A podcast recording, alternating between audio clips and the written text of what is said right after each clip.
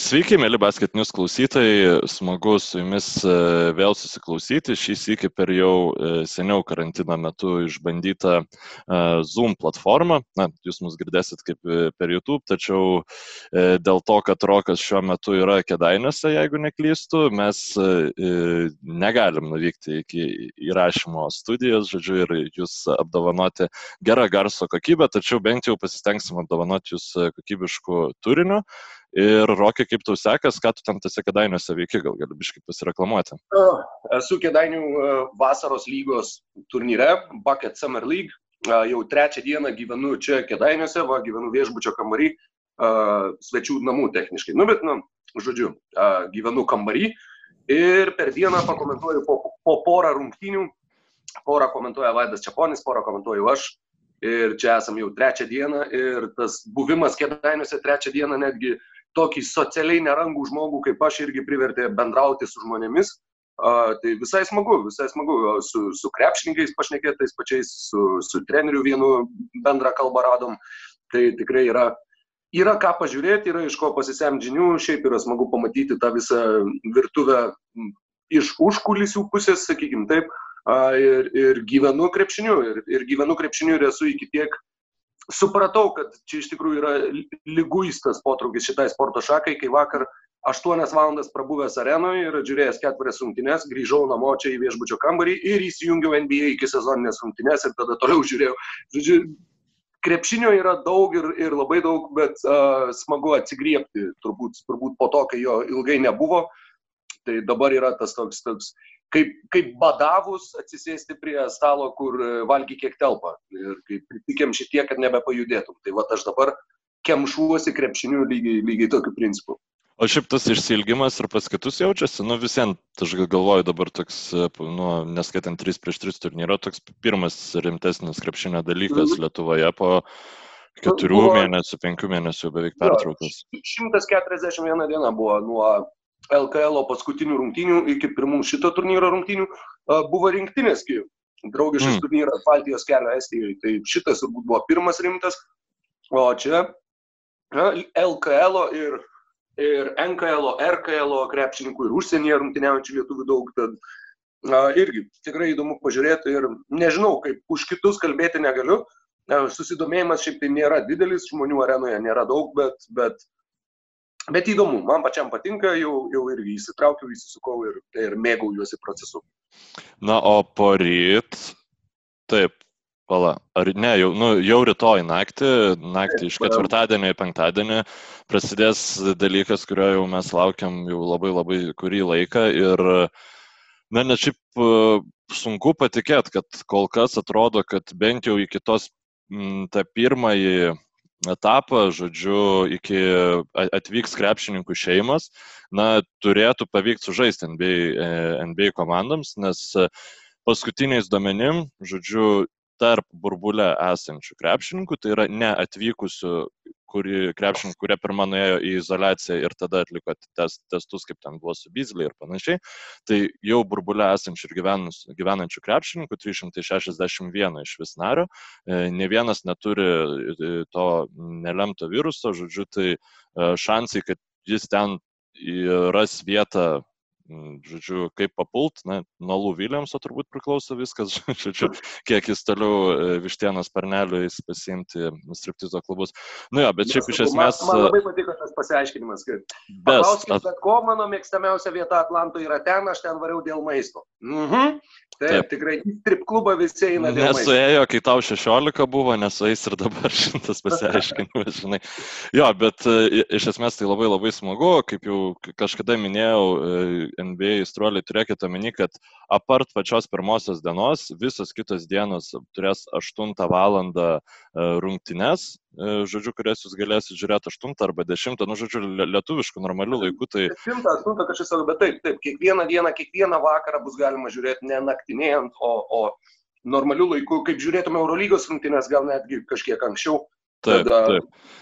Ir nežinau, Rokai, šiaip norėjau tavęs paklausti dar prieš pradedant e, apie mūsų tas pagrindinės sistemas šiandien kalbėti. E, kaip tau tas sprendimas e, streamint fan, fanus, kurie per Zoomą žiūri rungtynės? Aš manau, kad jį nusižiūrėjo iš Premier lygos, nes Premier lygoje irgi buvo tas pats, kur kai įmuša įvartį, tada, žodžiu, parodo ten. Bet tai yra taip kardinaliai kitaip implementuota šitą idėją, žodžiu. Nes... Taip, būtent, nes matai, įmušus įvartį, parodyti, kaip džiaugiasi žmonės namie prie kompų. Nu, dar, dar. dar tai vis, nu, visiškai normalu. Nu, Taip, o, o kuriuose vietose, čia, žinai, kažkaip tai nežinau, kur kai meta baudas ar panašiai, ne, ne, nežinau. Pamatysim, kaip atrodys. E, Nes... Yra pavojaus, kad atrodys truputėlį taip, e, kaip čia dabar teisingai išreikšti, komiškai, e, bet, bet galbūt kažkaip tai jie sugebės tą pateikti taip, kad tai nerzintų žiūrovų ir tuo pačiu taip pat pridėtų kažkokios pridėtinės vertės.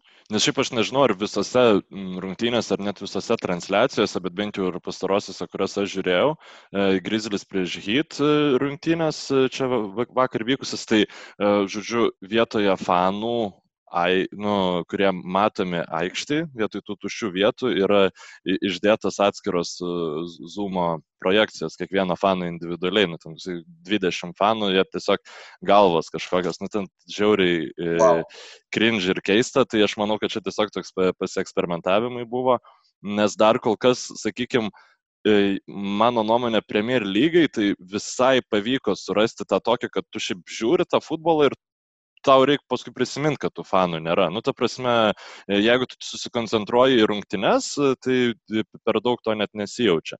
Žodžiu, o, o NBA dar kol kas to padaryti nepavyko. Tai nu, įdomu, kokie toliau sprendimai bus priimami. Taip, bet... La, labai keistai skamba dar, kai arenai leidžia, pavyzdžiui, tas, nu, kaip čia pasakyti, tas skanduotės arba skanduočių foną, kuris yra leidžiamas, kai būna pilna arena. Nu, pavyzdžiui, mm. bum, bum, ir jūs tą defense, bum, bum. Tai šiuo atveju yra tik tai bum, bum, bum. Ir nežinau, gali prie televizoriaus gal skanduoti pats gynybą, gynybą, bet, uh, žodžiu, taip, tų, tų techninių dalykų ir niuansų įdomių yra, bet kažkaip vis viena tikiu, kad NBA vis tiek yra nu, aukščiausio lygio produkcijos uh, aukščiausio lygio produkcija iš esmės, būtent kalbant apie tai, ką galima žiūrėti per televizorių. Ir uh, tikiu, kad jie vis viena ras ir priims protingus sprendimus ir mums nereikės pernelyg šaipytis ir traukti per dantį dėl viso to, ką jie daro kalbant apie dalykus, kurie nėra protingi sprendimai ir e, iš kurių galima šaipytis ir traukti per dantį, reikėtų pabiški primint e, e, ir gal, gal ir kai kuriems pranešt, kad New Yorko Knicks pagaliau rado trenerį, su kuriuo pasirašė penkerių metų kontraktą, nes tai be abejonės yra geriausias treneris ateinančiams penkiems metams New Yorko Knicks komandai, tai yra Tomas Tibodau. Nu, visiškai iš koto verčianti naujiena, ta prasme, kad Tibodau ateis e, treniruoti Niksų, na, net jau buvau su to susitaikęs. Bet kad bu, tai bus penkerių metų kontraktas, na, wow, aš, tai yra ilgiausias kontraktas nuo Bredo Stevenso laikų, kiek aš atsimenu, nes Bredas Stevensas gavo dar ilgesnį, dėl to, kad jį ten Celtics labai ilgai viliojo iš, iš koledžo, dabar neatsimenu kurio. Uh, Butlerio universitetas. Rokai, dabar kaip manai, kiek šansų yra, kad Tomas Tibodau po penkių metų e, vis dar bus e, New Yorko Knicks treneris? Labai mažai. Labai labai mažai. A, apskritai man pats sprendimas, o būtent tas penkerių metų, aš niekaip negaliu jo pateisinti. Kodėl tau reikėjo pasiūlyti penkerių metų kontraktą būtent šitam treneriui, būtent šituo metu. A, apskritai, Kas dar yra be vyriausio trenerio šiuo metu? Bruklino Nets, kur Žakas Vonas bando įsitvirtinti, užimantis laikiną, laikiną postą. Ir daugiau be trenerių klubų net nėra. Nu, galėtų būti Čikagos Bulls, bet kol kas. Galėtų būti, bet kol kas dar dėja dėja. Uh, ir tai, žodžiu, konkurencijos nebuvo jokios. Absoliučiai jokios. Nėra daugiau NBA darbovičių, kurios galėtų, nežinau, nuvilioti tą tavo geidžiamą trenerį. Nes Bruklino Nets, nu, bent jau kol kas trenerio neieško, e, bent jau oficialiai. Tad penkerių metų kontraktas, kokia buvo to priežastis, na, sakykime, ieškant logiško paaiškinimo, kas iš tikrųjų yra visą laiką labai sunki užduotis, kalbant apie New York Knicks organizaciją. Uh, tikrai, tikrai aš jo, jo nerandu. Ir vienas paaiškinimas, kodėl tai yra tas, jog uh, Leonas Rausas, naujasis Niksų prezidentas, yra buvęs Tomo Tibodo agentas. Ir uh, dėl to iš karto ir buvo siejamas Tibodo su New Yorko Knicks, būtent dėl to, kad, kad jo artimas bičiulis tapo klubo prezidentu. Ir tai ir vėl kvepia tokiu, na, nežinau, protegavimu ir, ir savų kažkokių interesų žiūrėjimu, kas niekada klubų į naudą neišeina. O tu gal... Ne, ne, Norėjau paklausti, gal tu atsimeni, ar Leonas Rausas jis buvo Tibodo agentas, tada gavo darbą Niks ir tada jau, nu, tik tada nustojo jo būti, ar jis anksčiau nustojo būti Tibodo agentas? Man atrodo, anksčiau. E, bijau pasakyti kada, bet berots, kad jisai jau apskritai nebebuvo agentų, kai tapo mm. New Yorko Niks prezidentu. Nu, žodžiu, ruošęs ilgai šitą. Ei, ei, jeigu nesumeluosiu, agentūra vadinasi, bet uh, daugiau nieko apie tai, apie tai pasakyti negaliu. Taip, tikrai, na, aš kaip e, palaikau tą poziciją, kad jeigu tu nesi įsitikinęs, kad šitas treneris yra top, top lygio, ta prasme, nežinau, e, e, futbolo terminais ten kalbant, Pepo Guardiolos, Jurgeno Klopo lygio ar krepšinio terminais nuo to paties Bredo Stevenso. Jeigu treneris yra įrodęs, ypač, kad jis jau tikrai nėra aukščiausio lygio treneris, kodėl tokiai komandai kaip Niks nepabandyti surasti savo Tayloro Jenkinso, Niko Narso, Bredo Stevenso ar, ar kažką jie turi prarasti, nes su Tibodau labai aišku, ką jie turi prarasti, labai aišku, ką jie gali gauti su juo. Jie tikrai gali rytų konferencijoje surinkę e, veteranų kažkokią sudėtį pasiekti 8-7 vietą. Nu, ar tai yra jūsų svajonė? Nu, man labai sunku tiesiog įsivaizduoti, kad e, e, štai Tomas Tibodau pavers e, New Yorko Knicks kažkokią intriguojančią, jaudinančią komandą, kurią visi norės žiūrėti, stebėti dėl to, kaip jie žaidžia ir panašiai. Nu, nu, žodžiu, labai liūdna gal dėl to, kad mes praradom galimybę pamatyti kažkokį tai naują įdomų trenerį e, po dideliu prožektoriu. Nu, taip. Ir plus kažkokia, kažkokia ilgalaikiškesnė perspektyva, kadangi su Tibodo na, Tiboda yra tas treneris, kuris sieks pergalių. Ta matėm, kai jis atėjo į Minnesotą. Atsimenu, labai džiaugiausi, kai jis atėjo į Minnesotą, galvojau, o išmokys jaunimą gintis, o bus labai gera komanda. Nu ir nebuvo. Vieną kartą jie pakliuvo į atkrintamasis, bet tai buvo viskas, ką jam tenai pavyko pasiekti. Ir aš bijau, kad čia irgi bus kažkas pakankamai panašaus, kur būtent, kad jis uh, sieks pergalių ir sieks pergalių šiandien, o ne bandys tenai kažkaip tai ypatingai uh, tobulinti, ar tiksliau leisti tobulėti e, jauniems krepšininkams. Viskas bus orientuota į rezultatus, o ne į procesą. Ir, na, Niksam kaip, jeigu, jeigu tos pergalės bent kažkiek tai grįš į New Yorką, tai jau bus šioks toks laimėjimas, e, panašu, kad to komanda ir nori, bet kaip tu teisingai įvardinai, manau, kad yra pakankamai, mm, kaip čia pasakyti, e, aukštos grindys, bet ir žemos lubos. Mm, perfrazuojant tą anglišką, anglišką išsireiškimą, kad, žodžiu, blogiausias variantas yra pakankamai neblogas, bet geriausias variantas yra saliginai ne, na, neįspūdingas, sakykim taip. Aš nelabai įsivaizduoju, kad Tomas Tibodo laimėtų su New York Knicks e, NBA čempionų žiedus, bet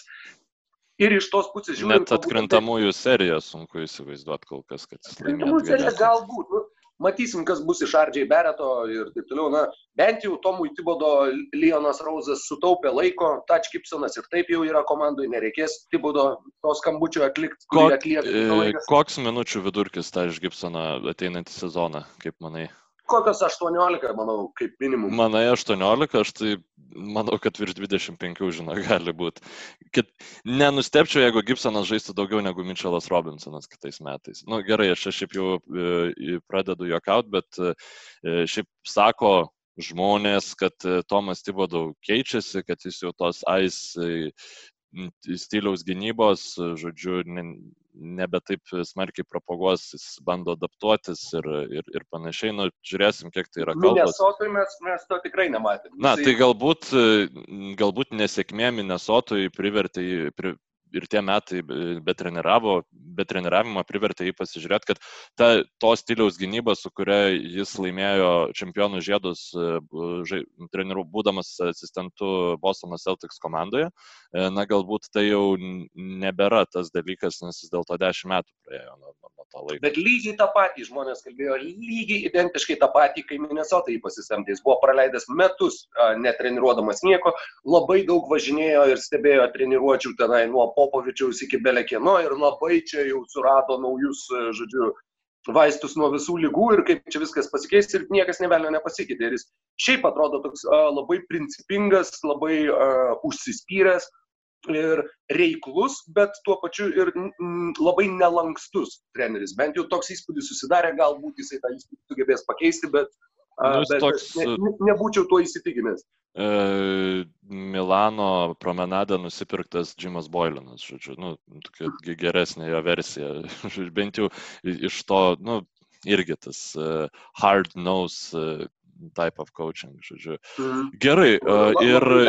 Taip, toughness ir effort. Jo, vienas jo. dar įdomus faktas, kad uh, Minnesotoj žmonės labai apsidžiaugė, kai kurie kai jisai tapo Knicks treneriu, nes Timberwolvesam nebereikės mokėti jam algos 2021 sezone. O, geras. Timberwolvesai sutaupė, bet e, klausimas, va būtent kur tu pasiimi trenerį, kuria, kurį atleido ir kuriam vis dar moka pinigus ir jam duodi penkerių metų kontraktą.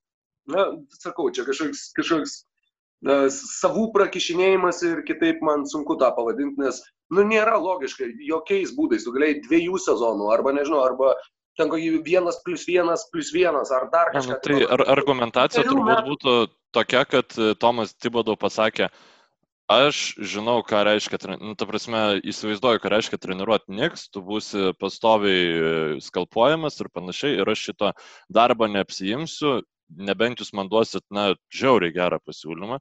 Ir jis įgavo. Nu, aš, aš įsivaizduoju, kad e, šitaip dėrybos buvo. Nu, aš, nu, man sunku patikėti, kad nieks patys sakė, žiūrėk, čia mes tave penkiem metam norėtume matyti ir taip toliau. Nu, Jo, turbūt tiesiog gerai susidėrėjo.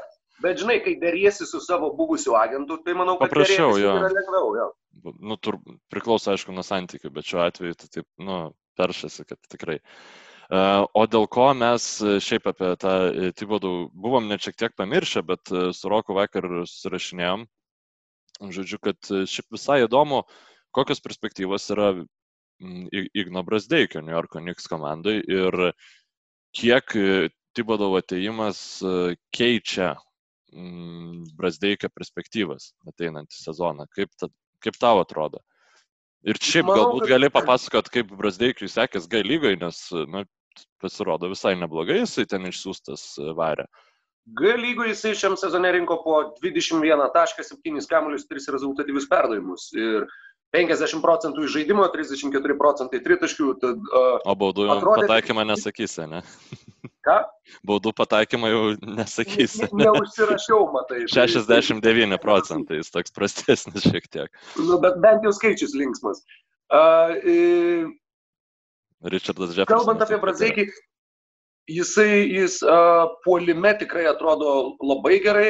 Uh, meta kairė ranka kamuolį varosi daugiau dešinę, tai yra, turi tą tokį nenuspėjamumo faktorių ir žaidžia labai agresyviai. Apie tą, apie tą jau esam kalbėję, kad tai yra toks žaidimo stilius, kokio lietuvių krepšininkų faktiškai nėra. Ir tas užaugimas kitoj, kitoj krepšinio mokykloje, kitoj sistemoje suformavo tokį mūsų šaliai unikalų žaidimo stilių.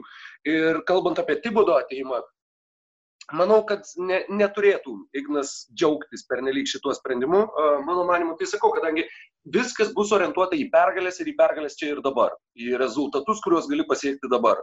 Ir leisti kažkokį jauną krepšininką į aikštę tam, kad jis įgautų žaidybinio laiko ir galėtų tobulėti, bus paskutinis e, dalykas Tomo Tibodo galvoje. Bent jau toks yra mano spėjimas, žinoma, garantuoti negaliu, bet uh, tad norėdamas norėdamas gauti to žaidybinio laiko, e, Ignas būtinai turės tobulėti gynyboje ir, ir e, skirtam labai didelį dėmesį, kadangi Tibodo faktas, jog e, Tibodo rotacijai turi būti žmonės, kurie, kurie nebijo ir moka gerai ir kibiai gintis. Ir būtent šituo keliu, sakykime, jam, jam galbūt netgi lengviau būtų prasimušti į pagrindinę rotaciją, negu kad renkant, kad ir po 30 taškų, kadangi taip jau na, bent jau toks įspūdis susidaro, iš, iš, ypač iš to, kaip Tibodo dirbo Minnesotoje. Bet e, Brasdeikis kol kas, kiek teko skaityti, um, apie jo žaidimą, to, kad ir toj pačioj galygoje, kaip tik būtent gynyboje yra jo silpniausias vietos kol kas, nes na, dažnai ir, ir pramiega savo ginamą krepšininką ir tikrai e, nėra tas e, toks, kaip čia pasakyti, labai aktyviai besiginantis e, žaidėjas. Man, man tai iš vis, aš kiek žiūrėjau žiauriai daug, gal kokias 10 minučių highlightų ir nu, paskaičiau gal porą straipsnių apie įgy, bet man pasirodė, kad jisai toks, nu, visai man jis baltų hardeną užneša, žodžiu, ta kairė ranka, tas e, gebėjimas prasiveršti po krepšių, išprovokuoti e, pražangas, taip pat ir tritaškis metimas, na, turint omeny, kad taip procentas jo nėra labai geras, bet jisai mėto ten sunkius metimus ir yra polimo iniciatorius, žodžiu, na ir kadangi polime jis tikrai apsiema G lygoje didžiausią rolę komandai, tai natūralu, kad gynybai šiek tiek tų jėgų ir pasitaupo. Nu, galbūt e, toks būtų pateisinimas iš Brasdeikio pusės. Ir, ir trūksta patirties. Ir uh, jų vyriausias treneris, kai apie jį kalbėjo, uh, Galygos vyriausias treneris uh, Alstonas, baras pavardė, uh, sakė, kad, kad jis susiduria su tom pačiom problemom, su kuriuom susiduria visi iš NCAA į profesionalų krepšinį atėję jauni žaidėjai. Jam tiesiog uh, trūksta patirties, bet jisai turi, žodžiu, turi duomenis ir, ir uh, turi potencialo būti teigiamų krepšininkų gynyboje, ne tik ne minusinių, bet ir, bet ir uh, suteikti komandai naudos. Uh, Na, bet... Taip, jis yra stiprus, labai stiprus kaip savo ūgio žmogui. Man dar įdomu, šiaip kokia jo yra ta geriausia pozicija, man yra sun, labai sunku buvo įvertinti jo sąlyginį greitį su kitais krepšininkais G lygoje, nes na, tiesiog tam reikia be galo daug laiko ir rungtynių G lygos peržiūrėti, ko nu, nežinau, nebent skautas būčiau koks nors, galbūt užsiminėčiau šitais dalykais. Um, o tai, nes ūgius, tai pavyzdžiui, grinai sudėjimas, tai šiaip yra beveik identiškas Jameso Hardeno. Ūgis ten per, po, per vieną colį skiriasi, žodžiu, aukštesnis brasdeikis, o svoris beveik toks pat yra ten. Tai, na, tokio ūgio ir sudėjimo krepšininkai žaidžia nuo atakuojančių gynėjų iki sunkiųjų kraštų, dabar NBA lygoje viskas priklauso nuo to, kaip jie gali keistis, kaip jie gali pastovėti prieš save aukštesnius krepšininkus, bet e, man čia pasirodo, kad e, Brasdeikis yra ganėtinai stiprus ir jis problemų po krepšių prieš ketvirtus numerius e, galėtų ir neturėti ilgainiui, kai jo kūnas, nu, susiformuos ir pasidarys jau gal, galutinę Brasdeiką versiją. Taip. Ir dar ką svarbu paminėti, kad visi krepšinio ekspertai beveik vienbalsiai pritarė, kad e, įgūdis, kuris sunkiausiai persitransliuoja iš G lygos į NBA lygą arba iš Euro lygos į NBA lygą, žodžiu, žemesnė lyga į aukštesnė yra taškų pelnimas. Ir būtent tai yra stipriausias Brasdeikio stipriausia savybė, jis nemažai tų taškų pelno pakrepšių, na tiesiog nesusidurdamas su atletiškai pranašesniais už jį krepšininkais, nu, nusistumdamas fizinėje jėga jos praeidamas, tai, na, negali sakyti, kad jis niekada negalėtų NBA lygoje rinkti po 15 taškų. Ką aš žinau, galbūt nuo suolo koks kaip šeštas žaidėjas, tai galbūt jam tai ir pavyktų daryti, bet reikia labai atsargiai vertinti šitą dalyką, nes būtent va, tas taškų pelnimas jisai e, labai e, linkęs yra pradingti. Sakau, bet beveik bet kuris kitas vyriausias treneris būtų uh, ne, nesuteiktų tiek daug neigiamų lūkesčių ir, ir kaip čia dabar pasakyti. Bet kuris kitas strategas, jeigu, jeigu treniruotų New Yorko Knicks, aš uh, geriau jausčiausi, kalbėdamas apie Baraseikio galimybės žaisti ir žaisti stabiliai ir žaisti pakankamai daug New Yorko Knicks komandai. Uh, tad iš šitos pusės man tikrai labai liūdna, kad, kad būtent Tibodo tapo Knicks strategu. Na, yra vienas toks e, optimizmo įpučiantis dalykas, bent jau man, Tomas Tibodau tikrai, ne, tikrai nėra kūrybiškas e, polimo treneris ir jam patinka krepšininkai, kurie na, pasiema tą kamolį ir pelno taškus su juo. Jimmy Butleris labai e, žibėjo žaisdamas už Minnesotos Timberwolves būtent dėl to, kad jam net ten kažkaip tiesiog jis pasiema tą kamuolį, išprovokuoja baudas pelno taškus. Tai kad turint omeny, kokioje dabar būsena yra New Yorko Knicks ir jie tų taškus pelnančių krepšininkų, na kas yra gerai Randlas, e, Beretas ir viskas, nu, nežinau. Ir gali būti, jeigu šią vasarą nepavyks surasti kažko gero, o Niksam dažnai nepavyksta surasti kažko gero, tai kad Ignas Brasdeikis bus tiesiog paimtas toks kaip nu, o gal tau kažką pavyks nuo suolo įnešti, kad tą polimą pagyvint. Ir jeigu, jūs, jeigu jam pasisektų, ką tu žinai, galbūt jis taptų uh, vienu iš tų krepšininkų, kurie m, tampa to motyvado favoritais. Bet su tais antro raundo šaukimais, na, juos dažniausiai pasikviečia žmonės, kurie mato jam kažkokią tai viziją. Žmonės, kurie pašaukė Igną Brasdeikį, dabar jau dauguma jų New Yorko Knicks nebedirba. Tai man šiek tiek baisu, kad tas krepšininkas iš vis gali būti pamirštas. Žodžiu, labai labai plati amplitudė, kaip gali klostytis Brasdeikio karjera New Yorko komandai. Jep, visiškai pritariu ir, ir labai tikiuosi, kad pavyks e, pamatyti Igną žaidžiantį už New Yorko Knicks daugiau negu kad jam teko žaisti praėjusiame sezone. Jis kol kas vis dar yra pataikęs tik vieną tritaškį NBA lygoje ir aš labai didžiuojuosi tuo, kad, esu, kad mačiau, kaip jisai pataikė tą tritaškį. Ir beje, pataikė irgi labai gražiai, kadangi jis išėjo į aikštę, man atrodo, iš karto vos gavęs kamuolį, paleido tritaškį ir nepataikė net į lanką. Ir kitoje atakoje, kai jį pasiekė kamuolys, jis net nesumirktelėjęs metė dar vieną ir antrą pataikę. Tad, nu. tas, sakau, charakteris ir tą metiko gyslelę jis tikrai turi, turi to sveiko naglumo aikštėje. Tad galbūt tas naglumas sužavės Tomą Tibodo. E, labai pritariu tau, kad Tibodo mėgsta individualiai puolime stiprius krepšininkus, kurie gali žaisti vienas prieš vieną. Brasdeikis atrodo, kad turi tokio potencialo, tad, tad sakau, nerimo truputį yra, bet galima išvelgti uh, ačiū tau, Mykolai, ir pozityvių kažkokių tai va, aspektų. Kalbant, ja, vėl tie durni perėmai, žodžiu, apie Savonį. Savonis, jo nėra NBA burbule ir panašu, kad ir nebebus šį sezoną, na, sunku pasakyti, nes aš kaip supratau, kojų infekcija yra kažkokia. Plantarinis tu... pasitas. Gal galėtum išversti šitą? Nes... Tiesą pasakius, nelabai. Uh, ne, tai yra pėdos būtent e, problema, kai atsiranda kaulų ataugos, e, kažkokios, na, aš, aš kaip žinia, ne daktaras, tad aš tikrai nepapasakosiu tiksliai, bet uh, daugas.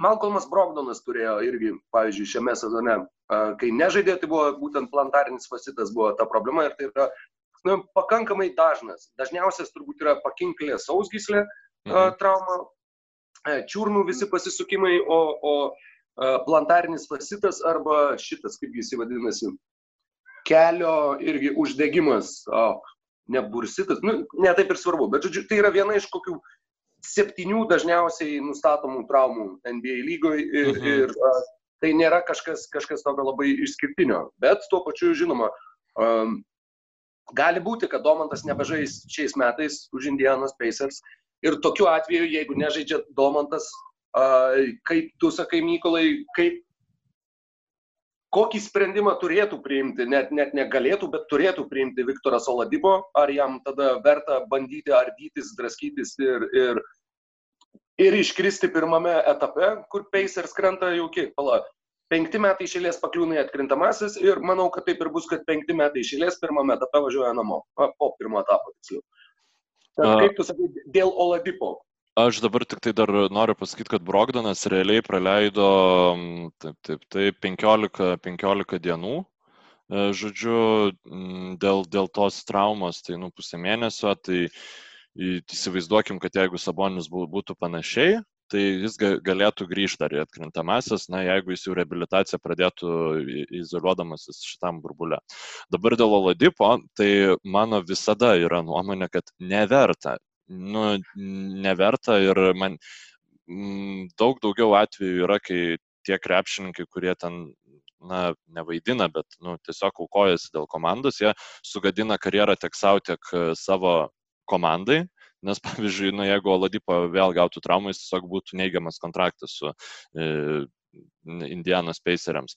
E, negu tų atvejų, kur ten, nežinau, e, net tas vienas garsiausių, kur Aizėjo Tomasas su trigubai sutinusią čiurną davė į kaulus e, Dream, dieve, kaip jie vadinasi, Dream Show, ne, ne, ne Dream Show, nu, Los Angeles Lakeriams su Johnsonu Warfy ir jo, Showtime, dieve, atsiprašau labai. E, ir visiems jie pralaimėjo, žodžiu, galiausiai ten um, tas rungtynes. Ir nelaimėjo to titulo. Ir, na, Aizija Tomasas šiaip galiausiai jis karjerą baigė ganėtinai anksti, nes, na, tiesiog va, dėl tokio stiliaus, bet daug tam tų krepšininkų, kur Larry Birdas su traumom žaisdavo, tai nu, gerai, nusakykim, būtų sveikas Sabonis ir Oladipo žaistų tuos savo 70 procentų, kiek jis ten gali, nu, ką jie tada peiseriai, nu, pirmą raundą gal kaip nors, jeigu ten pasisektų ir kas iš to, kad jie tą pirmą raundą laimi. Tai yra jauna komanda, tai yra komanda, kurios visi krepšininkai yra susiję ateitį su ją, plus minus, dabar neatsimenu, TJ Warrenas, man atrodo, yra uh, vienintelis iš pagrindinių, kurio kontraktas besibaiginė. Tai, nu, gerai, nu, nepavyko, tai nepavyko. Nu, gaila labai, kad ir pernai Oladipo tą traumą sugadino viską. Bet nu, nereikia, nereikia čia draskytis ir apsimest, kad jeigu aš labai stengsiuosi, tai mes baksus apžaisim. Nu, neapžaisit.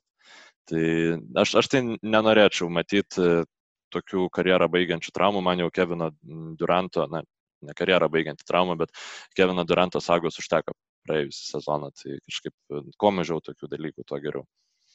Bet pačiai komandai iš tikrųjų, kaip žiūriu, va, jeigu, jeigu iš tikrųjų Sabonis negali žaisti, Pernai jau kaip ir minėjai, be Oladipo ir ten 0-4 prieš Bostoną, tai nėra ta situacija, kur, kur tu galėtum sakyti, nu, bet va, mes žaidėm atkrintamosiose, gavom patirties ir čia dabar kažką, žodžiu, labai labai uh, kitaip darysim kitais metais. Atsimenu, pavyzdžiui, Detroito Pistons, kai žaidė kelinti, tai galėjo būti. Prieš Cavaliers. Jo, kai pralaimėjo seriją irgi 0-4, bet ten buvo įtemptų, gražių rungtynių, jie visai, visai dar uh, garbingai kovojo. Ir tada labai daug kas rašė, kad va štai šitai jaunai komandai, čia yra neįkainojama patirtis, kad jie čia va šituose mūšiuose su Lebronu buvo ir kaip čia viskas dabar bus. Nu ir nebuvo nieko. Visiškai jokios naudos ir iš tos komandos nieko nebuvo, niekur jinai neužaugo, niekur nenuėjo ir galiausiai dabar Dramondas atsidūrė tam pačiam Klyvlandė. Uh, kaip organizacijai turėtų irgi, koks, koks siutas tiesiog turėtų imti, kad tu antri metai pailiui vėl tu, tu realiai negali net išsimatuoti, kur yra tos tavo lubos. Tu net, net negali sužinoti, va būtent ar, tarkim, kokios yra ryškiausios spragos, ką tau labiausiai reikia, na, ar, yra, ar yra tokių dalykų, kuriuos pakeitęs mažą dalyką, tu padarytum didelį rezultatą, tarkim. Nes dabar tu net, tu net, net neturi to išsibandymo ir, ir iš tos pusės labai gaila Indianos Pacers organizacijos. Ir, o kalbant apie Oladipo, tai vakar žiūrėjau uh, Pacers prieš San Antonijaus Spurs iki sezoninės rungtynės, grįžęs po 8 valandų krepšinio arenoje. Uh, ir antro kelnio pabaigoje buvo, kur Oladipo e, paskutinės dvi atakos, vienoje iš jų jis metė tritaškį, kur nu, tu matai, aš esu, aš labai daug, per daug iš tikrųjų Pacers rungtynių esu matęs ir, ir matai akivaizdžiai, kad ta metimo forma yra kitokia, lyg, tai, lyg kažkas trukteli, žinai, metant, kad mhm. uh, kaip jisai pašoka, kaip jisai leidžiasi, atrodo visiškai ne taip, kaip, kaip atrodė prieš tai. Atrodo, kad jis būtent bando imituoti tai, bando atgauti tą ritmą, bet ritmą visiškai ne. Ir antro kilinuko pabaiga, jau paskutinė ataka, jisai vežės prieš, uh, prieš Darozaną, atsistumė truputį pečiu, išmeta tą tokį pusiau flauterį ir tas metimas, tavarsime, kamuolys nu, žiauriai, žiauriai per stipriai, žiauriai toli nuo tikslo. Ta prasme, ir nuaidi sirena, visi skirstosi, o jisai stovi vienas tam pačiam taške ir tiesiog kartoja tą judesį su, su ranka, be kamulio. Ir tu supranti, kad nu, nu, jis visiškai, jis, jis net ne 70 procentų, aš nežinau, 30 gal, bet nu, ta forma tikrai yra siaubinga. Ir uh, jeigu dar ir be Sabonio ir vežtis ten nuo Ladipo, tai būtent ta trauma be abejo yra rizikos faktorius, bet tuo pačiu ir, nu, nebent tam, kad jis nu, pabandytų atgauti formą, bet ar tą pavyks padaryti burbule, didelis klausimas. Ir vienas tik tai yra uh, komentaras, kuris man patiko, kuris nebuvo konkrečiai adresuotas Oladipo, bet ir negaliu patikėti tuo, kad pacituosiu prancūzą krepšininką, kadangi šiaip jau man uh, ne dėl kažkokių asmeninių priežasčių daugumą atvejų, bet tiesiog dėl to, kad mūsiškių rinktinė šitie kartų jau žaidė su tais velnio prancūzais ir šitie kartų pralašė prieš juos, kad man, aš maniau, kad patologinis, patologinė m, antipatija įsivystė didžiai daliai tos komandos, bet Evanas Fornie kažkada Twitter'yje rašė, čia vat, visiškai neseniai, kai buvo, kad ir kas žais, kas nežais, o kad mhm. Pilas nežais, va, kad čia ir taip toliau. Jisai tiesiog Twitter'yje parašė žinutę, kad a, jeigu tu esi sveikas ir tu tiesiog nežaidi ir palieki savo komandą, uh, it says a lot about you. Mhm. Uh, tad... Čia kaip Bertanis nusprendė nežaisti. Man atrodo, jis tada parašė, buvo toks europietiškas kivirčas Twitterio susidaręs. Matumas su Motijūnu, žiūrėk, sukonfliktavo, Fornie su Bertaniu. Mums reikia visgi jungtis su Latvijais, tada turėsim rimtą rinktinę. Labai gerai. Šaliai Litvija arba Latva, sujungti abidvi ir, ir važiuojam. E, taip, dėl, tai vat, dėl Sabonio nuto traumų šiaip labai liūdna, kad na, belieka spėliot. Nėra aišku, ar jisai galės grįžti ar negalės, žodžiu, tu toksai, toksai labai didelis klaustukas ir e, kaip tu minėjai, žodžiu, kad nėra aišku, ar pakeitus kažkokią vieną detalę kažkas pasikeis Indianos Pacers komandai, kad reikia labai daug spėlioti, tai lygiai taip pat, na, jeigu visi būtų sveiki ir tu Mm, Sabonis sužaidė, sužaidžia visų žvaigždžių sezoną ir tu e, žaidi prieš kokius Pacerius ir gauni 4-0 arba 4-1, o ne prieš Pacerius, prieš Sixerius, atsiprašau, nu arba mhm. ten prie, prieš kažką tokio. Tai nu tada tu supranti, kad nuvenas mes turbūt niekur su šita sudėtim neprogresuosim. Tada tu ar iškeiti sabonį, ar tą patį gal net oladį pabandai keisti, nu, nu kažką daryti, kad tą sudėtį... Dabar tu net negali priimti sprendimo kažkokio konkretaus, kadangi tu vis dar nematai, kaip ta komanda atrodo atkrintamosios. Ir realiai ne tik atkrintamosios, būtent nors Oladipo ir grįžo, nu bet va, žaidžia Oladipo šešėlis, tai sakykime, kad du All-Starai vienu metu būtų aikštėje nėra buvę Indianos Pacers komandai, iš esmės, kalbant apie šitą sudėtį. Tad, nu, sakau, toks nei, nei į kairę, nei į dešinę. Ar, ar laikyti toliau tą patį, ar bandyti kažką keisti, jeigu bandyti kažką keisti, ką bandyti keisti. Žodžiu, daug klaustukų ir, ir, ir tikrai nuoširdžiai gaila, kadangi Indiana yra vienintelė valstija Junktinėse Amerikos valstijose, kur krepšinis yra populiariausia sporto šaka. Mm. Ir nu, ta, ta krepšinį mylinti valstija dėja turės, turės ir vėl kentėti šiais metais. Um, na, dar tai, ką šiaip Sabonio neturėjimas e, aikštėje atneš Indiana Pacers komandai, tai na, visiems turbūt akivaizdu e, tie pagrindiniai Sabonio talentai, tai žaidimas 2 prieš 2, taip pat dabar ir e, aikštės matymas, žodžiu, šito ypatingai trūks, tačiau man atrodo, kad polime Indianos Pacers dar kažkaip galėtų išsiversti, bet mano mylimas NBA analitikas Nate Duncanas pasakė, kad nu, tokią skambę frazę, kad be Sabonio startinis e, Indianos penketas gali būti e, blogiausiai dėl e, atšokus kamolių kovojantis penketas lygos istorijai. Ir šiaip iš ties... Beje, taip yra, kai, kai Sabonis nežaidžia, tas penketukas ir yra labai... Taip, taip, aš, aš tur, turiu išsirašęs, žodžiu, kad šiaip tai pirmi šeši pagal e, bendrą atkovotų kamolių procentą e, Pacers penketai yra visi su Saboniu. Vienas, kuris dar įsiterpia, nes po to dar trys eina irgi su Saboniu. Vienas, kuris tarp jų įsiterpia, tai yra e, tas penketas, kuriame žodžiu, kuris žaidžia ten tik tai 30 minučių. Tiksliau, atsiprašau, vienintelis penketas, kuris turi teigiamą atkovotų kamolių procentą ir kuriame nežaidžia Sabonis, tai yra Abudu Holiday, McConnellis, Turneris ir TJ Warrenas ir žaidė šis tik 35 minutės, nu, tai čia nieko nereiškia. O pavyzdžiui, penketas su Malcolmu Brogdonu, e, Holidayum, Lambu, Turneriu ir Warrenu, kuris šiaip yra labai realu, kad bus daugiausiai žaidžiamas penketas Indianos Pacers, jeigu Viktoras Saladipo bus toks, koks e, yra. Lambas traumuotas, Mykolai. Lamboner. Tikrai šitas penketukas nebus, jisai irgi sorry, sorry.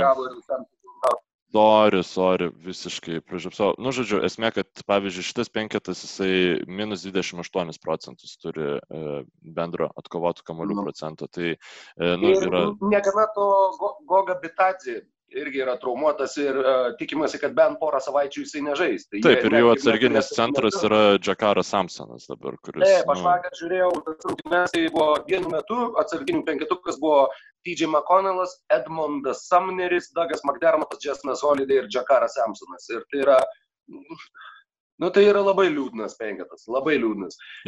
Kai kurie žaidėjai turi bent jau kažkokių savybių, kurias uh, turi stiprybių, bent jau, bent kažkokių, kai kurie krepšininkai, bet visi yra labai riboti ir labai vienpusiai. O nu, Samsonas labai, pavyzdžiui, atletiškas yra, bet ir viskas. Tai yra žaidėjas, kurio aš, aš jo Kauno žalgyrėje nenorėčiau pamatyti Džekaro Samsono. Nu, vat, kėdainių nevėžė, nu, vat, gal, bet su juo aš irgi aš labai abejoju, kad jie LKL pirmą krintamųjų etapą praeitų. Tai, tai, nu, kaip lyderių, taip, bet jisai, nu, aš tai taip smarkiai nestumčiau ant Džekaro Samsono, jis kaip atsarginis centras, tai be abejonės, nu, nebent, bet Houstono Rockets aš tai manau, žinok, jį pasiimtų. Jisai ten žaistų kokias 15 minučių, nes, na, tikrai krepšininkas savo vietą lygoje, aš, aš manau, kad atras galiausiai tik jam šiek tiek metimą reikia pataisyti. Ir šiaip norėjau atsiprašyti, kad pasakiau, kad be Sabonio polime Indianos Pacers gal ir išsiverstų, nes, nu, ne, neišsiverstų, nes Sabonis per jį visas polimas ėjo, kai, kai jo ladipo nebuvo, žodžiu, tai e, ką norėjau pasakyti, kad yra dar talentingų krepšininkų palime kaip Malcolmas Brogdanas, bet ant, ant jo, na, šiaip beprotiškus skaičius jisai gali fiksuoti e, šiame burbule, nes, na, o kas daugiau? Warrenas? Jau. Nu, čia... Warrenas, jo. Daugiausiai metimų, manau, žinai, šitie du krepšininkai. Taip, taip. Dar gali būti, kad galbūt e, Milesas Turneris pradės šaudyti iš trijų taškų zonas, nes na, kažkaip tą polimą varijuoti reikia. Ir vienas iš tokių... Turneriui be žemai. Galimybė... Ir, ir pabandyti daugiau žaisti baudos aikštelį, ko jisai nedaro, kai žaidžia kartu su Saboniu. Čia nėra jo stiprioji pusė, bet nu bent jau būtų bent patirties ir praktikos įgauti. Na, aš manau, kad jam... Taip, kad Pabaig, pabaig, ką norėjai sakyti. Mhm. Abu du vienas kitam užleidom. Kad Turneriui, jeigu Saponis nežaidžia, nu, jam, jam būtinai reikia gerai pasirodyti šitam burbulė, nes nu, tada, mm, sakykime, užsirekomendavimui geresnės galimybės jisai neturės. Juo labiau, kai jau ne pirmą sezoną šneka visi, kad nelabai tinka tas duetas kartu. Ir iš tiesų, iš tiesų jisai nelabai tinka, Jeigu Turneris nepadarys nieko šitam burbulė, kur nebus Sabonio, tuomet, na, jeigu Pacers nuspręs, kad reikia tą duetą išskirti, tai bus labai aišku, kurį, kurį jie norės pasirinkti. Nu, bet man atrodo, kad joks kitas centras taip netinka žaisti kartu su Saboniu kaip Milesas Turneris. Nu, nebent tai būtų, nežinau, praeitų metų Brukas Lopezas ar nu, ta prasme, Turneris yra vat, būtent turint omeny Sabonio ribotumą tam tikrais klausimais. E, Turnerio įgūdžiai jie labai gerai papildo ir man tiesiog norėtųsi, kad Macmillanas na, suteiktų jam daugiau laisvės būtent ne baudos aikšteliai, o ties tritaškių mėtymų, nes tai Turneris tikrai nebus tas krepšininkas, kuris terrorizuoja e, krepšininkų gynybą iš po krepšio. Na, gali būti e, kažkokiam tai nedideliam laiko tarpsnėje, tačiau uh, jis tikrai turi na, potencialo turinti metimą ir nu, tiesiog norėtųsi matyti jį išmetantį daugiau tritaškų per rungtynes, taip suteikianti dar daugiau laisvės po traumos grįžtančiam saboniui, na tikėkime. Tai, žodžiu, ir aš visiems manau, kad, nu, žiauriai sunku įsivaizduoti Pacers išmainančius Milesą Turnerį. Jis turi smarkiai net ne tai, kad nustot progresuoti, bet jis turi ir pradėti regresuoti tam tikrais dalykais, kad m, ryštusi šitam sprendimui. Kaip, kaip ir minėjau anksčiau, Indianos Pacers dabar yra tokioj padėti, kad man labai sunku įsivaizduoti jos iš vis išmainant bent e, vieną iš tų pagrindinių krepšininkų. Žodžiu, manau, kad Brogdanas, Aladipas, Sabonis ir Turneris e, kitą sezoną tikrai visi pradės Indianos Pacers komandai. Ne, nežinau, kas, kas turi nutikti, kad taip nebūtų. Nes, nu, dėl nu, priežasčių, kurias mes jau... Pamatysim, pamatysim. Aš, uh, jeigu reikėtų spėti, galim, galim lažintis. Ar bus visi keturi kitam sezone uh, Pacers? Aš manau, kad vieno kažkurio gali ir... Nebūti. Aš kalbu apie sezono pradžią. Aš kalbu ja. apie sezono pradžią, ne apie, ne apie nu, kitą gal, sezoną atkrintamasis. Tikimybė, kad visi bus visgi taip, bet, bet, bet ne, ne, nebūčiau toks garantuotas, sakykim taip. Tai garantuotas aš irgi nesu, mano tiesiog nuomonė gal tokia. Tai čia. E, žodžiu, dar apie Valančiūną, reikia pakalbėti apie Joną Valančiūną, žodžiu, E, smagu. E, labai, jo, nes mes apie Grizzlius kalbam kiekvienam podcast'e, kalbam apie Dylaną Brooksą, kalbam apie, apie Porterio brolį, kurį, kurį jie pasijėmė, kalbam apie Clarką, Jacksoną, Žamorantą, bet apie Valančiūną vis kažkaip tai paminim ir, ir neskiriam dėmesio, kurio jisai tikrai nusipelnė. Tai pradžioje šiaip noriu pasakyti, kad žiūrėdamas tas rungtynės prieš žytą, aš supratau, Dieve, kaip gerai, kad aš buvau žiauriai skeptiškos nuomonės iš Jono pusės apie mainus į Memphis Grizzlies, nes galvoju, nusinčiai vieną iš neįdomiausių komandų. Nu, ta prasme, ką jisai ten, nu gerai, rinks tos taškus tokius pačius, kaip rinko Toronte, žodžiu, bet, nu, bus visiškai, visiškai niekam neįdomus. O dabar man atrodo, kad jam būtent to ir reikėjo, plus ta Memphis Grizzlies komanda yra žymiai įdomesnė, negu galėjom pagalvoti prieš kiek čia jau pusantrų metų, nu kada jis čia buvo iškeistas, jo, maždaug prieš pusantrų metų.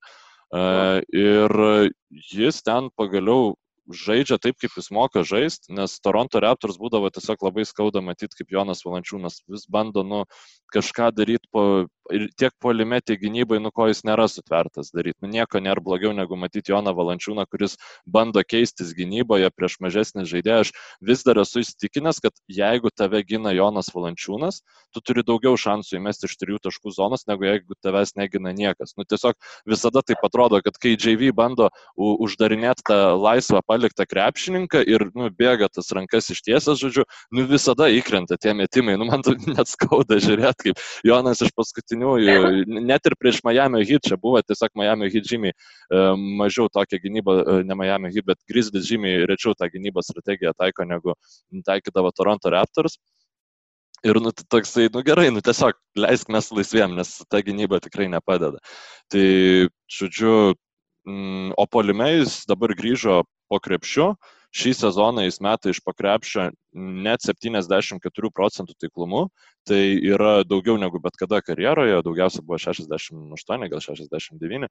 Ir, žodžiu, reikia dabar jau suprasti, kad Jonas Valančiūnas yra vienas stipriausių vidurio polėjų fiziškai e, visoje lygoje. Tu prasme, jis, prieš jį labai nedaug komandų turi ką pastatyti ir toj gan dideliai vakarų konferencijoje, na, aš kalbu net ir apie Los Angeles Lakers, Jonas Valančiūnas jis gali net ir gynybai tapti naudingas, nes tai yra labai labai didelis žmogus. Žinau, kokia tavo nuomonė apie šiaip Joną visą šį sezoną ir jo rolę Memphis Grizzlies komandai. Man tai labai uh, kartais stebiuosi pagalvojęs, kaip greitai, na, ne, nežinau, kito tokio krepšininko, uh, kurio statusas, na, nu, aišku, prie to prisidėjo ir mainai, bet uh, pasikeitė nuo nuo jis jaunas, jis tobulėja, jis dar jaunas, jis dar tobulės ir puf, jis yra veteranas. Bet žaibiškai, ta prasme, vien dėl to, kad atsidūrė daug jaunesniai komandai, kurioje yra vienas iš, iš vyriausių starto penketą, turbūt dabar gal ir vyriausias krepšininkas, bijau sumeluoti, bet Nu dabar a, Kailas Andersonas gal vyresnis, aš galvoju. Jeigu bet, jisai žaidžia startą, jo, aš esu. Nu, kol kas, kol kas žaidžia jisai startą, bet, uh, nu, aš, tu, tu pasakok, aš pasižiūrėsiu greitai. Na, bet tai čia, nu, vienai par kitai, vienas iš tuomet. Uh, taip, taip, taip. Vis, va, tas, tas, vyresnis tas labai... už Andersoną. Tai tuomet taip, tai yra mhm. vyriausias Vizlių starto penketo žaidėjas. Ir tai labai, man atrodo, kad labai atrakino jį. Um, kaip čia pasakius, anksčiau netgi, sakau, nu, nerandu kaip suformuoluoti sakinį, kad jo nebevaržo tas kažkoks tai jaunatviškumas ir tai, kad visi į jį žiūri kaip jaunesnį krepšininką, o tai, kad jam, taip sakykime, reikėjo priverstinai greitai subręsti ir tapti tuo vyriausių starto penketo žaidėjų ir tuo uh, apsaugininku, kuris, jeigu kyla koks konfliktas, tai, tai tu turi eiti tos taškius. Man atrodo, kad jam tiek žaidimo atžvilgių, tiek, aišku, žinai, nepažįstu žmogaus, nesu gyvenime kalbėjęs, manau, kad jam ir psichologiškai uh, šitas išėjo labai labai į naudą. Ir dėl to labai džiaugiuosi. Ir jeigu praeitame sezone tas, sakykime, šmėstelėjo truputėlį, nes buvo, tam, pažiūrėjau, tos rungtynės su Houston Rockets, kuris vienas pasiekė karjeros rezultatyvumo rekordą, išplėšė pratesimą ir pratesime nukalė, kur Hardanas draskės vienoje pusėje, kitoje pusėje Valančiūnas darė, ką nori. Ir ten buvo pačios gražiausios jo karjeros rungtynės, nebejotinai aš tiesiog rėkavau namie vienas naktį žiūrėdamas. Uh, ir tai tais, uh, tais metais, praėjusiame sezone, tai vad buvo tas epizodas ir apskritai, na, na pasikeitusi aplinka ir pasikeitęs statusas, bet dabar, kai jie ir išmainė Conley, kai žaidžia vien tik tai jaunimas faktiškai su juo, sakau, atrodo, kad jis, jis daug geriau jaučiasi toj komandai, nors ne, nemanau, kad jis labai blogai jautėsi ir Toronte, bet atrodo būtent toks atsidūręs savo vietoje ir, ir atsiskleidęs tikrai visų gražumu. Tai dėl to labai labai džiaugiuosi. O beje, būtent su Houstonu jie žaidė ne per seniausiai irgi pasiruošimo rungtynės, kurias įsijungiau pažiūrėti ir galvojau, įsijungiau tik tai ketvirtam kelinį ir galvojau, kad buvo labai įdomu ir labai laukiu pažiūrėti, kaip tas Houstono ultra turbo žemas penketas atrodo mhm. prieš Valančiūną. Ką Valančiūnas gali prieš tą penketuką padaryti ir ar jis ten ištaršys visus ir išdaužys kaip kėglius, ar kaip tai atrodys. Ir ketvirtam kelinį į pailsėjusį, va taip grinai lemiamą minutėm ten gal likus keturiom su pusė ar panašiai išleido Jenkinsas į aikštę, nu, kur akivaizdžiai, kad tu užbaigsi rungtynės. Uh, ir polime vienas dalykas, kuriuo dar kartą įsitikinau, kad Jamesas Hardanas prieš aukšto ūgius, va, gindamasis prieš paustapus, jis nuostabiai ginas. Jis yra puikiai būtent va, prieš aukšto ūgius, kai bando išnaudoti ūgio persvarą, elitinio lygio gynėjas ir šitose tose rungtynėse irgi. Hardenas ar du ar tris kamuolius išmušė jam iš rankų, būtent gindamasis prieš Valančiūną, kai Hardenas ginasi prieš Valančiūną. Man atrodo, kad Valančiūnų šiaip gal net psichologiškai jam lengviau yra žaisti prieš Žoelį Embidą, nu, pulti negu prieš... Jis yra sakęs, kad jam patinka, kai būna varžovas irgi didelis ir stiprus, nes tada jam yra su kuo pasistumdyti ir jis, jis mėgsta tokį, tokį žaidimo stilių. Jis tą sakė kalbėdamas apie Howardą, kai buvo čia prieš metus ar gal prieš prieš porą. Gal prieš porą, tikiuosi, kad prieš porą. Turbūt, kad jo. Ir, ir, ir, ir, ir, ir, ir, ir ką čia dabar žiausiu sakyti. Ai, ir kad, žodžiu, jį taip žiauriai Houstono gynybą suvalgė ir jisai taip nieko negalėjo padaryti, kad likus gal porai minučių treneris jį pasodino atgal ir mhm. išleido kažką tai žemesnį, tiesiog nes, nes tai vad sakau, va, šitas buvo toks truputį nerimo ženklas, aišku, čia iki sezoninės rungtynės ir čia per daug įsiskaityti jas nereikėtų, bet uh, bet labai tikiuosi, kad tai buvo tik tai vienetinis toks atvejis ir kad buvo tiesiog juoda diena ar tiesiog juodos kelios minutės, kurias aš pataikiau įsijungti. Nu, jis visada šiaip buvo toksai e, emocijos krepšininkas, jeigu jam eina, tai jam eina. Nu, e, retai mes pamatysim Joną, kuris, sakykime, turi, na, nėra tas krepšininkas, kuris šiaip gali įleistas, e, sumes savo taškus ir panašiai, jam reikia pajaustas rungtynes, bent jau anksčiau tai būdavo, šį sezoną Grizliuose gal šiek tiek jau mažiau tų tendencijų, tačiau mm, na, vis dar sunku įsivaizduoti, kad išleidžia Joną likus ten penkiam minutėm ar ne ir jisai tada tampa staiga lyderiu. Tikėkime, kad pamatysim to daugiau. E, du dalykai, kuriuos noriu pasakyti apie Joną Valančiūną. Tai pirmas, na, visada mes e, linksniuodavom jo gynybą, kad tai yra gynybai probleminis krepšininkas, žodžiu, ir ta tas jo lietumas niekur nedingo, tačiau e, su tokiais krepšininkais lyga jau kuo toliau, tuo labiau moka vis vėl atranda, kaip juos išnaudoti gynyboje. Vienas pavyzdžių yra Milwaukee Bucks. Ir Milwaukee Bucks gynybos schemą iš tikrųjų pakankamai sėkmingai yra nusikopijavęs e, Tayloras Jenkinsas, Memphis Grizzlies, nes jis e, e, Memphis Grizzlies leidžia oponentam mest labai daug tritaškių, jie nestato Jono Valančiūno į kažkokias tai nepatogią poziciją, jie ką, ką jie nori užtikrinti, kad jūs prieš mus iš pakrepšio neįmesit arba įmesit mažai ir mažų procentų. Ir Jonas Valančiūnas puikiai tinka šiai gynybos schemai, taip pat puikiai tinka uh, Jarenas Jacksonas jaunesnysis, kuris toksai kaip ir mini Janis ant to kumpo, žodžiu, Bugs gynybos schemoje e, gali labai gerai atsitraukti nuo kažkurio tai krepšininko, padėti ir panašiai dėl savo uh, atletiškų duomenų. Taip pat Justice Winslow turėtų irgi labai labai gerai įsipaišyti šitą schemą.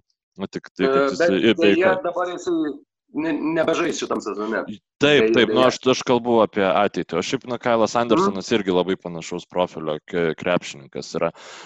Ir žodžiu, dėl to gynyboje e, Memphis Grizzlies, esant Jonui Valančiūnui, praleidžia po 109 taškus per 100 atakų, kas būtų, jeigu tai būtų bendras komandos rezultatas, tai būtų 6-7 e, visoje lygoje, o jam nesant aikštėje, jie praleidžia po 112 taškų per 100 atakų, tai tas 3 taškų skirtumas, bet tas 3 taškų skirtumas lemia, kad e, Memphis Grizzlies būtų 18-19 lygoje pagal gynybos rodiklį. Tai skirtumas yra gan ženklus, nes to 109 e, taškus per 100 atakų prasileidžia Indianos Pacers bei e, Philadelphia 76ers komandos, kurios asocijuojamos gera gynyba yra. Tai, e, o jau 112 tai Pelicans ir taip toliau. Nu, tai žodžiu, Jonas Valančiūnas tampa tuo krepšininku, na, akivaizdu, kad jis toks yra, kad tai nėra centras, kurį ima komandos, kurios nori laimėti čempionų žiedus, bet komandos, kurios nori papulti atkrintamasis, labai gali imti Joną Valančiūną ir jis tikrai padės komandai tą pasiekti, ką matom su Memphis Grizzlies. Ir taip pat e, dėl polimo dar norėjau pasakyti, kad e, tose rungtynėse prieš Miami Heat nu, man žiauriai patinka, kaip e, kiekvienoje atakoje yra žaidžiamas e, kažkokia tai 2 prieš 2 derinio versija su Jonu Valančiūnu ir jis turi šitiek daug traukos aplink save, kad jisai leidžiasi po krepšiu, jisai tą e, Miami besikeičiančią gynybą atrodo net išardo, nu, ta prasme, vis atsidengia kažkoks tai vienas iš laisvų krepšininkų ir jeigu Memphis Grizzlies turėtų, na, vietoj Kyle Anderson arba Justice Winslow dar bent vieną gerai pataikantį m, lengvą kraštą, na, man būtų žiauriai įdomu matyti, ką darytų Polime Jonas Valančiūnas ir Žemorantas. Nes e, dar taip pat e, Žemo Ranto ir e, Jono Valančiūno rollas man šiek tiek priminė e, Steveno Adamso ir Russelo Westbrooko pick and roll Oklahoma City Thunder komandoje, nes nemažai, nemažai tokių atakų, kur į žemą rantas leidžiasi po krepšių, meta, nepataiko, bet jis pritraukia prie savęs tų krepšininkų ir tada Jonas tiesiog jau būdamas po krepšių pakartoja tą metimą. Tai, žodžiu, tokio labai pozityviom emocijom e, gyvenu ir laukiu jau, kaip bus galima pamatyti atkrintamosiose e, šitą derinį. Tai kaip ir nežinau, ar dar turi kažką pridėti apie, apie Joną ir Grizzlies? Manau, manau, kad, žinai, jau, jau užsišnekėjom tikrai nemažai, o dar yra bent vienas klausimas, kurį, kurį norėčiau mm. tau užduoti. Um, tai gal, gal tiesiog prie jo ir pereikim. kadangi, kaip ir minėjai, jau savaitė praėjo, jokių pozityvių uh, testų rezultatų. Uh, viskas. Para, paradoksali šitą reikšmę, žinai.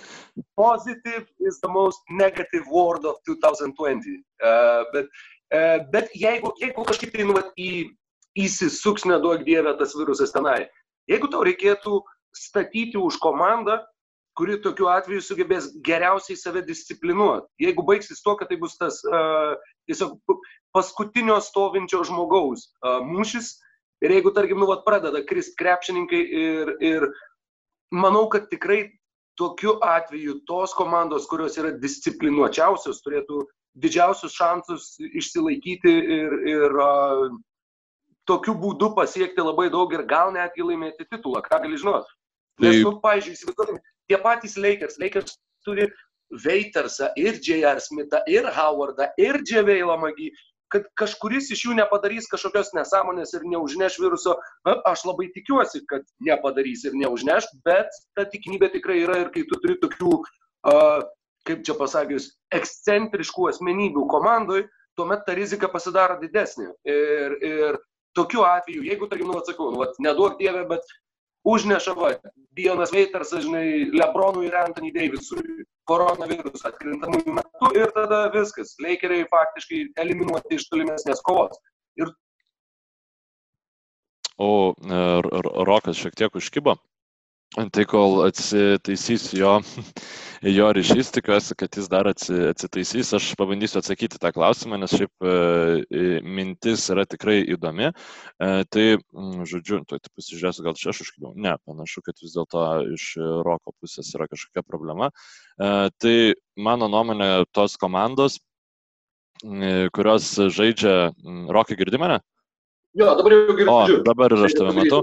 Tai šiaip atpuola iš karto abu du Kalifornijos klubai, nes tiesiog krepšininkai, kurie nori žaisti Los Andželė, nes tai yra Los Andželas, jau automatiškai turbūt e, sunkiau gali 30 dienų praleisti ir, ir daugiau šitam burbule.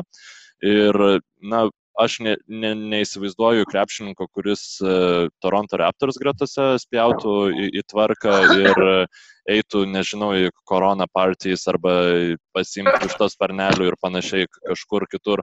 Taip pat Milwaukee Bucks man skamba kaip pakankamai disciplinuota komanda. Na, tiesiog, supranti, reikia rasti vieną tą uh, silpniau, šitoj, šituo atveju tu esi stiprus tiek, kiek yra stipri tavo silpniausia grandis. Čia yra visiškai, nes jau šitoj vietoj rotacijos tu nesumažinsi, jinai gali sumažėti nebent e, jeigu kažkuris kažką padarys iš tų krepšininkų. Dabar esmė atneštų virusą, tai galvoju, kad Milwaukee Bucks aš e, pakankamai mažai pasitikėčiau Eriku Bleco Jo, žodžiu, ir, ir, ir dar aš galvoju, kad Marvinas Williamsas, jeigu jo vis dėlto neleistų, neleistų jam žaisti, jis galėtų iškerštą nebent kažką padaryti. Jūs mane iškeitėt, tai taip, tada Philadelphia 76ers, tai ten gali būti arba viskas labai gerai, arba tiesiog Embidas pats visus organizuos ir jie, nu, ta prasme, ten, ten yra to disaster potencialo. Um, Miami Heat, tai vėl m, mm, tikrai, tikrai, e, ta prasme, taip, ten yra disciplinuota komanda aikštai, bet e, asmenybės nėra tokios, kuriuom aš e, pasitikėčiau išlikti racionaliom visą tą laikotarpį. Manau, Denverio Nuggets galbūt nu, Nikola Jokičius jau persirgo to virusu, tai galbūt vat, paprotintų visus ir panašiai, nu toks tas e, realesnis tas pavojus būtų. Nežinau, tai e, visiems statyčiau pagrindę už e, dvi rytų konferencijos lyderas, Milwaukee Bucks ir, ir, ir Bostoną ir Toronto Raptors, o už Bostoną Celtics nestatyčiau, nes e, Robertas Williamsas tikrai galėtų kažką random padaryti. O kad labiausiai, labiausiai nestatyčiau, tai už Lakers ir Clippers, nes, nu, ten yra asmenybių tokių. Tai va, žodžiu, o tavo kokios komandos būtų? Tiesą pasakius, čia yra viena iš tų minčių, kur uh, nu va, va dabar bus įamžinta, nes aš tikrai to nepadarysiu, bet jeigu būtų labai didelis koficijantas, kažkokią juokingai mažą pinigų sumą, būtent atsižvelgdamas į šitą, aš statyčiau už San Antonijaus Spurs. Kadangi jie, man atrodo, ta komanda, kuri, kuri tiesiog ir dėl trenerių štabo, ir dėl organizacijos, ir plus visi per daug myli Popovičių, kad rizikuotų būtent mhm. dėl jo. Ta prasme, nu, kad, kad, nes jis pakliūna į rizikos grupę dėl savo amžiaus ir manau, kad visi save ten prisižiūri trigubai jau vien, vien dėl to, kad yra rizika užkrėsti vyriausiai treneriui, kuris beje šitose iki sezoninėse rungtynėse net nebuvo vyriausiai treneriui. Jisai sėdi suoliuko uh, krašte ir jo asistentai, tai vienas, tai kitas vadovauja komandai. Bet Timo Dankano irgi nėra, jis yra uh, liko su Lamarku, su Aldridžiu ir padeda jam reabilituotis ir uh, burbulė jo nebus. Uh, tad, na, čia šiaip detalės ir informacija. Visai pamiršau, žinok, iš viso apie San Antonijos paras egzistavimą, tai gal tai, tai, tai tik įrodo tavo, tavo, e, tavo teiginį. Tai ką, labai, labai smagu, Rokiai, buvo, kad e, pavyko įrašyti čia tinklalaidą. Taip pat, e, kas dar neklausė dėl kažkokių priežasčių, tai labai rekomenduoju paklausyti ankstesnį NBO podcastą, kurį galite rasti, e, kaip ir šį podcastą, Basket News YouTube puslapyje arba Podbean, Spotify, Apple podcast, Google podcast ir visose kitose platformose. Tai Rokis ten kalbino tore, Torontiškį, žodžiu, kuris pasakoja apie tai, kaip irgi apie Joną Valančiūną, aš kaip suprantu, nemažai kalbėjot, ar ne? Tai Na, tai va, tai e, žodžiu.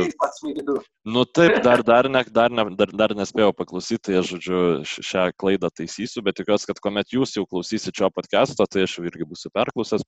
E, tai Va, o daugiau tai ką, kaip visada labai ačiū mūsų patronams, mylim jūs, džiaugiamės, kad jūs esat, jūsų gausėja ir e, laukiam klausimų, pastebėjimų ir viso kito, kas tik ir guliant jūsų ležuvų ir pirštų galiuko. Žodžiu, su jumis buvo NBO podcast'o tinkla, ar tinklalaidės e, vedėjai e, Rokas Grajauskas ir priešingai negu rašo čia pas mane ekrane kamputėje ne Jonas Miklovas, o Mykolas Jankaitis, aš tiesiog per Jono Zumo akantą čia e, pahausinu visą šitą dalyką. Tai ką, susimatysim, susiklausysim kitą savaitę ir sėkmės. Laimingai visiems ir Ir žiūrėkit vasaros lygą. Jo, mes jau apie krepšinį galėsim pakalbėti, šiaip, nu dar kas smagu. Taip, kitą, kitą, savaitę. Kitą savaitę jau šnekėsim apie rungtynės, o ne teoriškai kažką tai, ei, tu savo, kaip bus gera, kaip laukiu, ką tik tai tą supratau. Mm. Oh, net, net šiurpuliukai perėjo per visą kūną.